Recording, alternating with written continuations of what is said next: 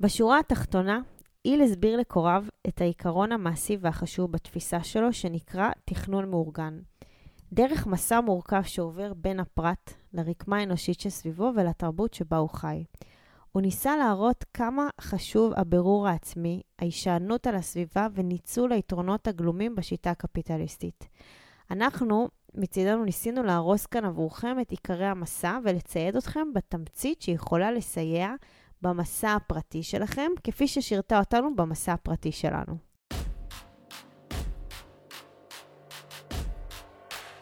ברוכים הבאים למדברים השקעות עם עמית ואגר.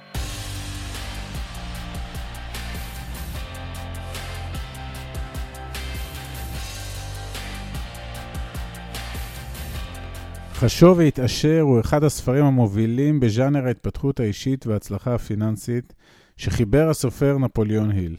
הספר שיצא לאור ב-1937 אחרי שנות השפל הכלכלי הגדול בארצות הברית, הוא אחד הספרים הנמכרים ביותר בכל הזמנים. הספר מניח בפני הקוראים פילוסופיית עושר, שהיא למעשה גם פילוסופיה של עושר, המבוססת על מחקר שערך היל על דרכם של 500 אנשים עשירים, שאותם ליווה לאורך 25 שנים. היל חקר את האמונות, החשיבה ורכיבי האישיות שלהם, את הכלים שעמדו לרשותם ואת האופן שבו התפתח ההון שלהם. מהמחקר זיקק היל 13 כללים תודעתיים ומעשיים. לשיטתו, אדם שיבחר לאמץ את הכללים לפחות חלקית, יגדיל בצורה משמעותית את סיכוייו להפך לאדם עשיר. לשיטתנו, היל צודק. בסדרת חושבים ומתעשרים, נציע זיקוק של הזיקוק. נציע פרשנות לדרך החיים שהספר פורס בפנינו, דרך חיים שאומנם גובשה בזמן אחר ובמקום אחר, אך אנחנו מוצאים אותה רלוונטית מאוד גם למציאות הישראלית בת זמננו. אחרי שלמדנו על כוחה של תודעה, הגיע הזמן לחבר אותה לתוכנית שתהפוך למציאות. בפרק הזה איל מציע שלושה אלמנטים הקשורים בתכנון העושר האישי לשיטה שלו. הוא פותח בסביבה האנושית שאנחנו מקיפים את עצמנו, צולל לתכונות נדרשות ולבירור עצמי, ולבסוף הוא עושה מין זום אאוט לתרבות הקפיטליסטית שבה אנו חיים. הסביבה האנושית שאיל מדבר עליה היא קבוצה של אנשים שיהיו המעגל שלכם, הצוות שלכם, אנשים בעלי כישורים וניסיון מגוונים, שבעזרתם תוכלו לקדם רעיונות ולהגיע גם ליעדים הכספיים שסימנתם. לפי איל, שיתוף פעולה כזה הוא רכיב בלתי נפרד מהדרך לצבירת ממון. אדם אחד, משכיל, מוכשר ורב ניסיון ככל שיהיה, כנראה לא יצליח במשימה אם הוא פועל לבדו.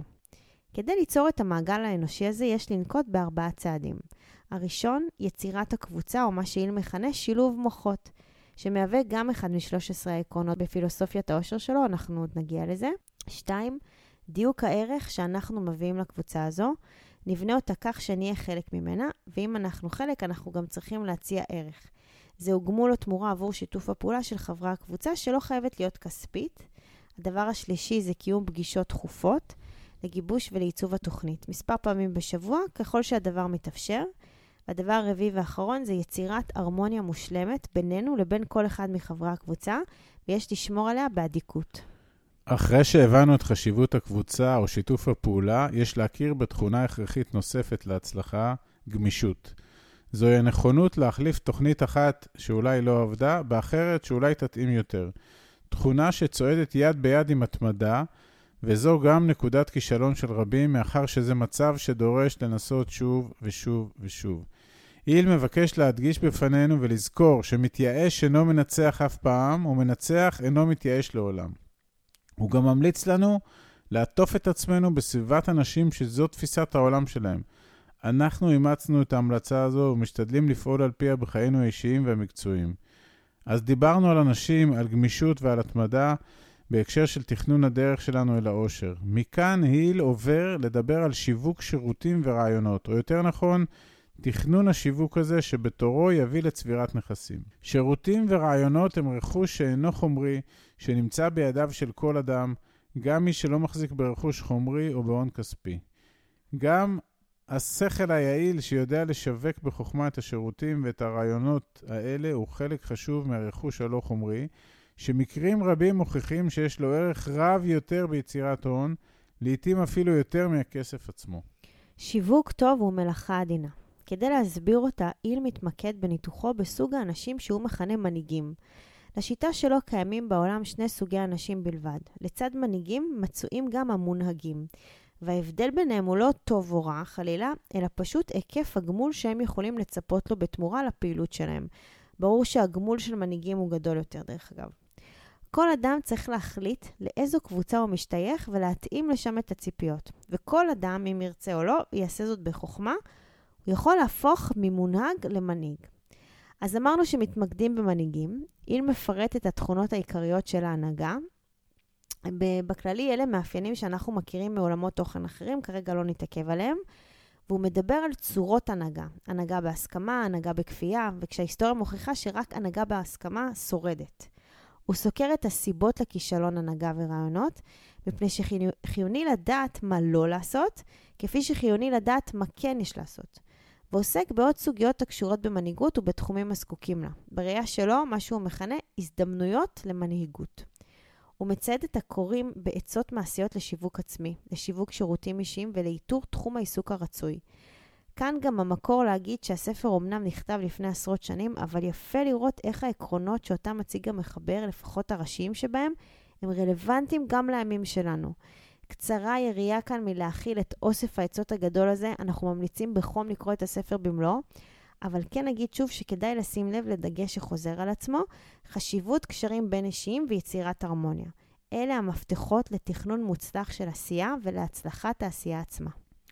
הרכיב הבא של התשתית לתכנון העושר הוא מה שהיל מכנה ספירת מלאי שנתית. בהקבלה לעולם המסחר והמכירות הוא מה שמכונה ביהדות חשבון נפש.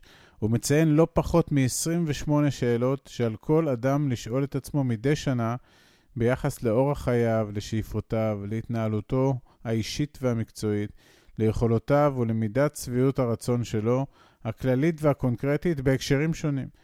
רק על בסיס מענה לשאלון העצמי הזה ולאחר הטמעת הידע המעשי שבפרק הזה, היל סבור שהקורא מוכן לגיבוש התוכנית המעשית של שיווק השירותים האישיים בדרך אל צבירת ההון. אוקיי, אז אחרי כל זה, היכן ההזדמנויות לצבירת העושר? כאן היל סוקר את הארץ שבה הוא חי בזמנו, ארץ החירויות והאפשרויות הבלתי נגמרות, היא ארצות הברית של אמריקה. למעשה, הוא מתכוון לארץ שאימצה בצורה הדוקה ביותר וגם הסמלית ביותר את השיטה הקפיטליסטית.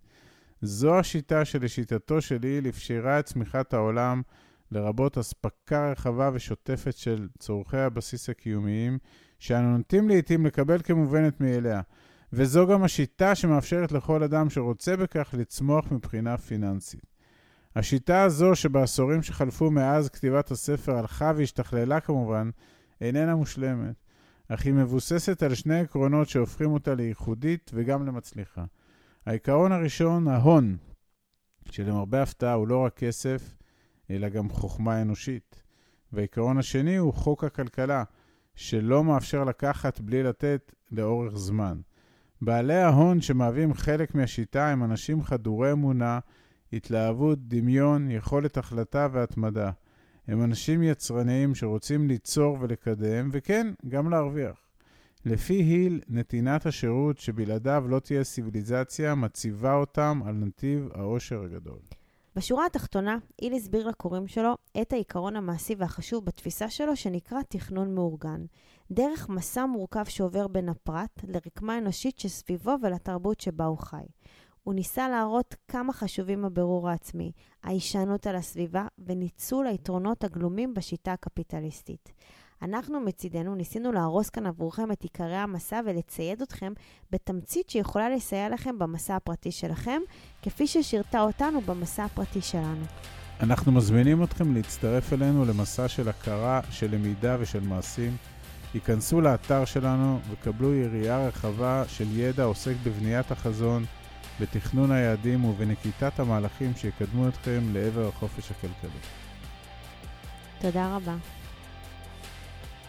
עד כאן להפעם. כרגיל, שמחנו לשתף בידע ובניסיון שלנו, מקווים שנתרמתם. מי שממש רוצה להכיר ולהיחשף להזדמנויות ההשקעה בהן אנחנו משקיעים, מוזמן לאתר שלנו, תוכלו למצוא הכל שם. אנחנו כמובן גם פעילים בכל הרשתות החברתיות, מוזמנים לעקוב אחרינו. אם אתם מכירים אנשים נוספים שהתכנים שלנו יכולים לסייע להם, נודה לכם מאוד אם תשתפו אותם. להתראות חברים.